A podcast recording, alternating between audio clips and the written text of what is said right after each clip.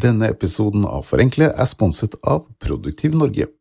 For å stresse mindre og få ting gjort, gå inn på produktivnorge.no. Det var en appelsin i gangen, så var det en snømann som smelta i, i dusjen. Og så var det kyllinger som svømte i do, og så var det um, en hund som het Chico, som hoppa på Dette er lille Kristina. Når vi kommer tilbake til henne litt senere i episoden, vil dere skjønne hva det er hun driver med. Denne episoden er del to i min miniserie om hukommelse, hvor jeg forsøker å forenkle det å huske på alt jeg trenger å huske på. Både for å lettere kunne lære meg nye ting, men også for å slippe å glemme viktige ting i hverdagen. I forrige episode snakket vi litt om hva hukommelse er og hvordan det fungerer, mens i dag skal jeg forenkle med hukommelsesmester Ola Kåre Risa, som mener at husketeknikker kan være løsningen på mine hukommelsesproblemer. Jeg håper dere liker det.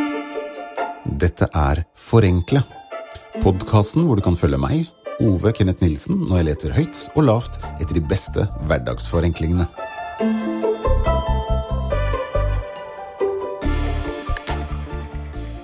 På skolen satte vi sammen forbokstavene i regnbuens farger til rogbiff.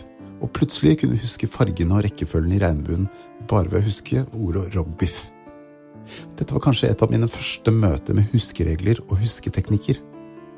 Alltid to l-er i alltid. Aldri to l-er i aldri. Hver gang jeg skal skru en skrue eller et lokk, tenker jeg den engelske lefty loosey righty tighty for å huske hvilken retning jeg skal skru. Huskerim, tommefingerregler, akronymer. Enten vi er bevisst på det eller ikke, så bruker vi ofte husketeknikker. For det er tydelig at det er noen ting og måter å huske på som hjernen liker bedre enn andre. Det er det husketeknikker, eller memoteknikker, er basert på. Det finnes eksperter på disse teknikkene som konkurrerer om å huske flest ting, og jeg har snakket med verdensrekordholder Ola Kåre Risa om hva hukommelsessport går ut på, om kanskje han kan lære meg noen gode metoder for å huske bedre. Alle kan bli bedre til å huske ved å bruke de teknikkene, er min påstand. Så I sånne hukommelseskonkurranser så er det forskjellige ting vi skal huske. da. Så alt, eh, alt går på å huske tilfeldig informasjon på en gitt tid. Så det kan f.eks. være flest mulig binære tall, altså bare nuller og enere på fem minutter. Eller det kan være flest mulig navn, knytte de til fjes på 15 minutter. Hello. Hello. Konnichiwa. Hola, buenos dias. Bonjour. Hello. Hi. Hello there. Og ord og tall og kortstokker forskjellige, da. Så jeg har øvd på, på teknikker for å huske det. da. Så jeg er jo eh, spesielt glad i kortstokker og binære tall. Men jeg er jo òg blitt glad i navn og fjes og sånn, som er litt mer sånn hverdagsnyttig da, i forhold til eh, binære tall, kanskje. Men eh, jeg tenker grunnprinsippene er jo veldig nyttige i hverdagen, så det bruker jeg mye. Blant annet eh, ja, når jeg skal på butikken, eller hvis jeg skal holde en tale uten manus eller en presentasjon, eller hvis jeg skal ha eksamen i noe, så, så bruker jeg de, de, samme grunnprinsippene som jeg gjør i, i konkurranser. da. Du konkurrerer jo blant de beste i verden. Da må du jo ha et eller annet form for talent i tillegg? Altså, Jeg har jo kanskje gode forutsetninger. At jeg er god til å konsentrere meg, det har jeg alltid vært. Og har god fantasi. Altså I de husketeknikkene som jeg bruker i konkurranser, så er det, er det vel så viktig med god fantasi som, som ja, selvfølgelig Det hjelper med god vanlig hukommelse men, men, jeg bruker litt sånn spesielle teknikker der jeg setter informasjon jeg skal huske om, til visuelle bilder og rare situasjoner. da. Det var en appelsin i gangen, så var det en snømann som smelta i, i dusjen. Og så var det kyllinger som svømte i do, og så var det um, en hund som het Chico, som hoppa på senga til mamma og pappa. Dette er Kristina, datteren min på fem år, som bruker en av disse husketeknikkene. Den teknikken hun bruker, er noe som kalles for Loki-metoden, eller reiserutemetoden. Den går ut på at du ser for deg et sted som du kjenner veldig godt. I vårt tilfelle huset vårt. Og det du gjør da, er at du forestiller deg at du går fra rom til rom og plasserer de tingene du skal huske i hvert rom. På Kristina sitt rom så var det en stor bløtkake, og på Arek sitt rom så var det um, Hva heter det? En flymaskin.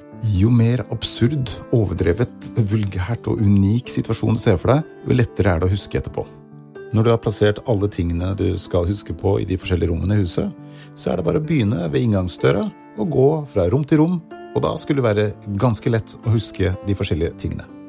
Så vi mennesker vi har utviklet oss til å huske visuelle ting spesielt godt. I en periode så forbød kirken bruken av husketeknikker, rett og slett pga. alle de syndige bildene som dukket opp i hodene til folk. Det hadde jo vært ganske morsomt om det var min snuskete fantasi som hjalp meg å huske bedre. Snusketeknikker, det er altså. Men hvor kommer egentlig disse husketeknikkene fra? De er jo veldig gamle. da. Altså, de, de ble jo brukt uh, i antikken allerede.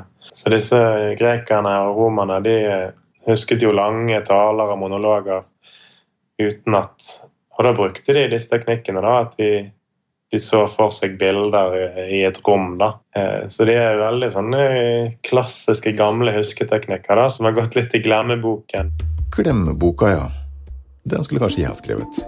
I forrige episode så beskrev jeg hvordan jeg som filmklipper av og til må pugge timevis av filmopptak når jeg skal klippe en film. Jeg har etter hvert klippet noen tusen reklamefilmer, og jeg har stusset litt over at eh, av og til når jeg begynner på en ny reklamefilm, så kan jeg slite litt med å huske hvilken film jeg klippet uka før. Selv om da jeg holdt på med den, så husket jeg hver tagning og hver replikk i denne filmen i minste detalj. Dette er eksempel på Sigarnik-effekten, som sier at det er lettere å huske oppgaver som er uferdige, enn oppgaver som er ferdige og avsluttet. Psykologen Bluma Sigarnik la merke til hvordan kelnere tilsynelatende husker alle detaljer og bestillinger i hodet før maten er servert, men glemmer dem med en gang oppgaven er utført og kunden har gått. Ved et tilfelle kom hun tilbake til en restaurant hvor en servitør hadde vært spesielt flink til å huske kompliserte bestillinger. Bare for å oppdage at nå husket han ikke engang at han hadde sett henne før. Ta-ta-ta-ta-ta ta-ta, ikke sant? Den spenningen du føler der, det er sigarnik-effekten. Hjernen liker å avslutte ting. Det er derfor clickbait på nettet og cliffhangers i TV-serier fungerer så innmari bra. Og det er også grunnen til at du ikke får ufullstendige oppgaver ut av hodet når du ligger der på natta og prøver å sove. Takk for den, Sigarnik. Ja, da er jeg på vei hjem for å hente barnehagesekken til dattera mi fordi jeg har glemt det. Det har jo skjedd før. Så nå kommer jeg sannsynligvis for sent til jobben. Svett og deilig. Sånn kan det gå.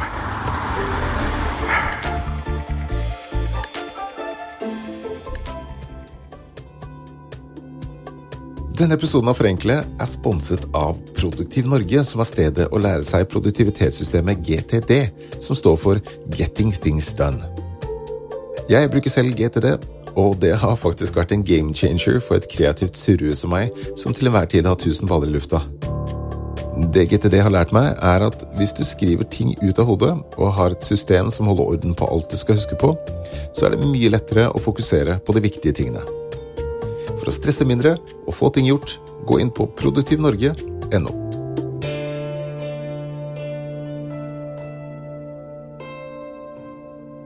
Det er et fenomen som heter Baker-Baker-paradokset. og Det går ut på at hvis jeg introduserer deg til vennen min, og han heter Baker, så er det en ganske stor sjanse for at du glemmer det navnet. Men hvis jeg introduserer deg til vennen min og sier at han er baker, så får du umiddelbart flere assosiasjoner som gjør det enklere å huske det. Det samme gjelder da hvis du f.eks. møter en stor kar som heter Bjørn. Jeg spurte Ola Kåre igjen om hvordan man kan bli flinkere til å huske navn. Ja, Første bud er å være oppmerksom når folk sier navnet. At du ikke tenker veldig hardt på hvordan du skal si ditt eget navn, og dermed ikke legger merke til hva de sier. Sånn, så hvis du må være oppmerksom og høre hva de sier, hva de heter, og gjerne gjenta det Jeg har hørt det. Ja, er det 'Hei, Andreas. Hyggelig å møte deg'. Hvis det er et eller annet på utseendet du legger merke til, kanskje stort skjegg eller en stor nese eller eh, fine øyne eller en fin sleik eller et eller annet, så biter man seg merke i et eller annet på utseendet som du kan huske til neste gang. Og så hvis han het Andreas, da, så kan du se for deg en Hvis Andreas hadde en uh, veldig markert øyenbryn, f.eks., så kan du se for deg eh, en and som driver og har betet seg fast i det ene øyebrynet. Og neste gang du treffer han, så vil du forhåpentligvis å ja, ja, det var han med øyenbrynene og den annen som hang fast. Så, ja, så vil jo det være nok til å huske at han het Andreas. Av og til tenker jeg bare en så logisk tanke er sånn som du sier, en som er stor, som heter Bjørn. Men for eksempel, hvis du traff en som er veldig liten og heter Bjørn, så vil det òg være lett å huske. For det er bare, ja, men hvorfor heter han Bjørn? Det er jo ikke logisk, han er jo kjempeliten. Så òg det som bryter med det som føles veldig logisk, kan òg være en, en huskeregel. Men, men, hvis han lille Bjørn hadde en, en fin sleik, så kunne du så få deg eh, en bjørn som kravler og klatrer i den, i den sleiken for å forsterke at han het Bjørn. Ja, det er klokka sju om morgenen. Åh, klokka sju om morgenen, og jeg er utenfor jobben min, og jeg har glemt nøkkelen. Jeg tenkte jeg skulle møte opp et par timer tidlig for å få ting gjort. Det er dritkaldt. og så kommer jeg selvfølgelig utenfor, og så ser jeg at jeg har glemt nøkkelen. Ikke bare har jeg glemt den hjemme, men jeg har glemt den på jobben. Portugisisk har de et uttrykk som heter cabeza de vento. Vindhue. Altså rotekopp. Nå har jeg testet ut flere av husketeknikkene til Ola Kåre, og jeg klarer å huske rekkefølgen på alle kortene i en tilfeldig kortstokk, og husker enkelt over 100 tilfeldige ord forlengs og baklengs, men jeg glemmer fremdeles hanskene mine på bussen. Jeg tror at problemet mitt er like mye et fokusproblem som et hukommelsesproblem. Det er rett og slett veldig lite som skal til for å distrahere meg. Ah, cabeza di vento. Også i, i, når, jeg, når jeg trener i konkurranser, og sånt, så, så, er man, man veldig sånn ømfintlig for uh, forstyrrelser. Sånn så De aller fleste bruker hørselvern. Jeg bruker dobbelthørselvern for å at jeg greier å holde fokus akkurat på det jeg skal. For man skal huske veldig mye på, på kort tid. Så kommer man litt ut av rytmen, så det blir jo som å uh, tråkke feil på en uh, 400 meter løping. Da får du mye dårligere tid. Så du må jo bare holde rytmen og, og, bruke den tiden du har. Eh, og I tillegg da, eh, så har jeg en sånn eh, så de bruker på skytterstevner, en sånn caps som stenger ute sidesynet. da. Så det er jo for å ikke bli forstyrret av folk som går forbi, eller eh, sånne type ting. Så, så det, som man, det, som er litt sånn dumt i vår tid, er jo at mobilene våre og mailprogrammene varslinger piper jo hele tiden. Så man får på en måte ikke tid til å dypdykke og konsentrere seg i det man holder på med. Så det er et, et generelt tips er jo uansett hvis man skal få gjøre mer, da, og slutte å multitaske så mye. da, Ta én ting om gangen og konsentrere seg om én ting om gangen og stenge ute forstyrrelser og, og, sånne ting. da. For det er utrolig Jeg har lest noe forskning at eh, hvis du er dypt inne noe og blir avbrutt f.eks. av en mail, så tar det i, i gjennomsnitt 23 minutter før du på en måte er inne i like dypt som du var før du ble varslet. Så det, et godt tips er jo slå av varslinger og, og skape rom da, for ting som krever ekstra konsentrasjon. Så er det, er det veldig lurt å stenge ute forstyrrelser. Yes, det var det for denne gang, men jeg er snart tilbake med enda en episode i denne miniserien om hukommelse.